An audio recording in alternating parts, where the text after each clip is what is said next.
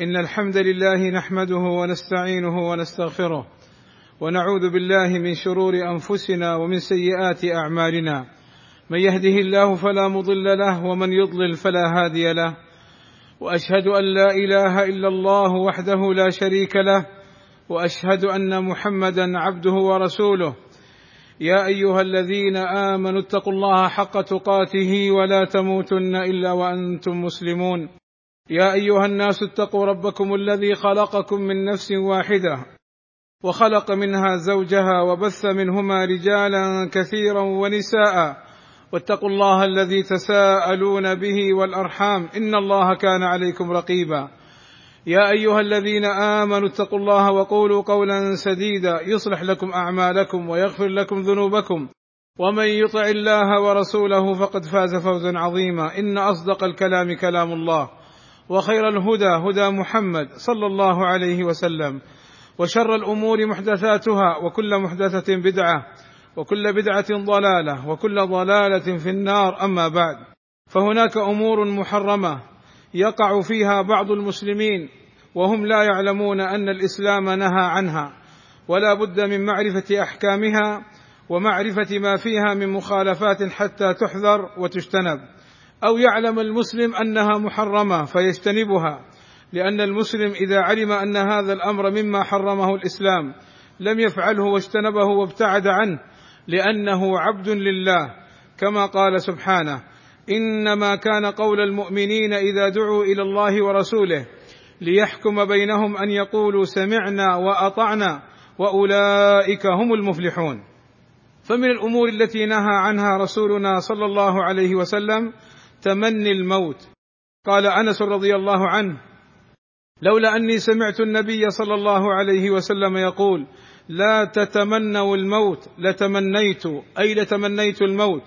فلا يجوز للمسلم أن يتمنى الموت لأجل المصائب الدنيوية ولكن ليقل اللهم أحيني ما كانت الحياة خيرا لي وتوفني إذا كانت الوفاة خيرا لي.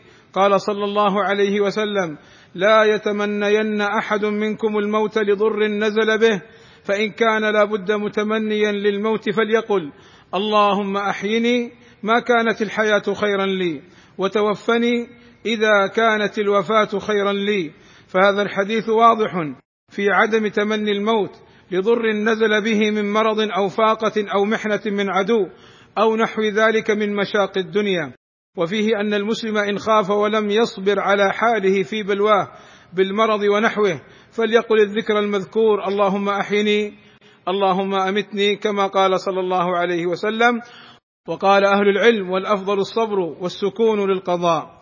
ومن الأمور التي نهى عنها نبينا الكريم صلى الله عليه وسلم أن يستقلل المسلم فعل الخير ويستحقره. قال النبي صلى الله عليه وسلم لا تحقرن من المعروف شيئا ولو أن تلقى أخاك بوجه طلق. وقوله صلى الله عليه وسلم ولو أن تلقى أخاك بوجه طلق معناه سهل منبسط. فاحرص أيها المسلم على فعل المعروف ولو قل واحرص على طلاقة الوجه عند لقاء إخوانك. ومن الأمور التي نهى عنها رسولنا الكريم صلى الله عليه وسلم التباغض والتحاسد والتدابر بين المسلمين بعضهم مع بعض.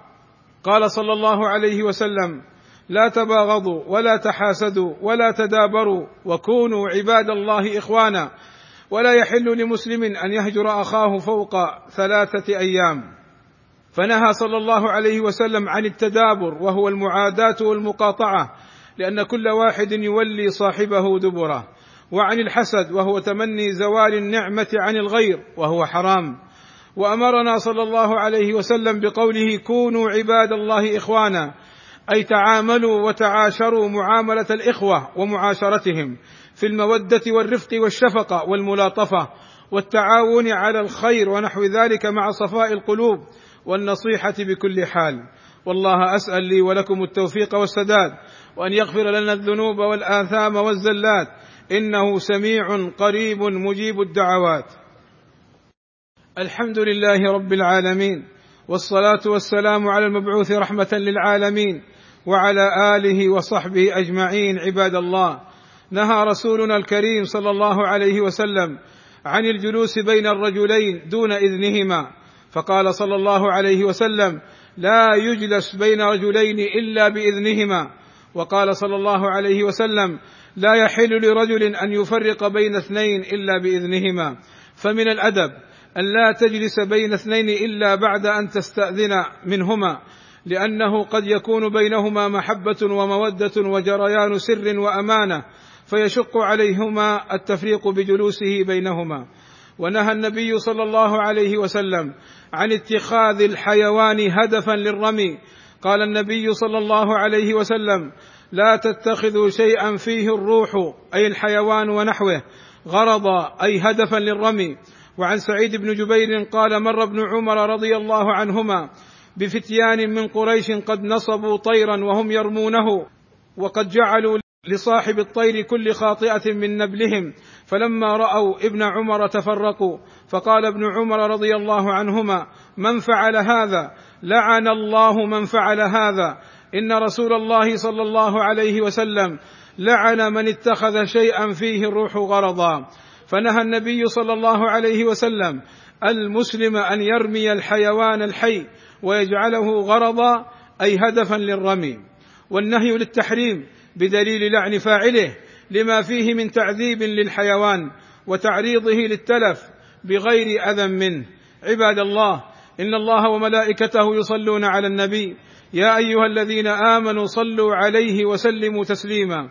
فاللهم صل على محمد وأزواجه وذريته كما صليت على آل إبراهيم وبارك على محمد وأزواجه وذريته كما باركت على آل إبراهيم إنك حميد مجيد. وارض اللهم عن الخلفاء الراشدين أبي بكر وعمر وعثمان وعلي وعن جميع أصحاب النبي صلى الله عليه وسلم والتابعين لهم بإحسان وعنا معهم بمنك وكرمك يا أكرم الأكرمين. اللهم آتنا في الدنيا حسنة وفي الآخرة حسنة وقنا عذاب النار. اللهم اغفر للمسلمين والمسلمات والمؤمنين والمؤمنات الأحياء منهم والأموات. اللهم وفق ولي أمرنا الملك سلمان بن عبد العزيز وولي عهده الأمير محمد بن سلمان لما تحبه وترضاه وأصلح بهما البلاد والعباد واحفظهما من كل سوء. اللهم أيدهما بتأييدك ووفقهما بتوفيقك. وأعز بهما الإسلام والمسلمين والصلاة والسلام على المبعوث رحمة للعالمين وعلى آله وصحبه أجمعين والحمد لله رب العالمين.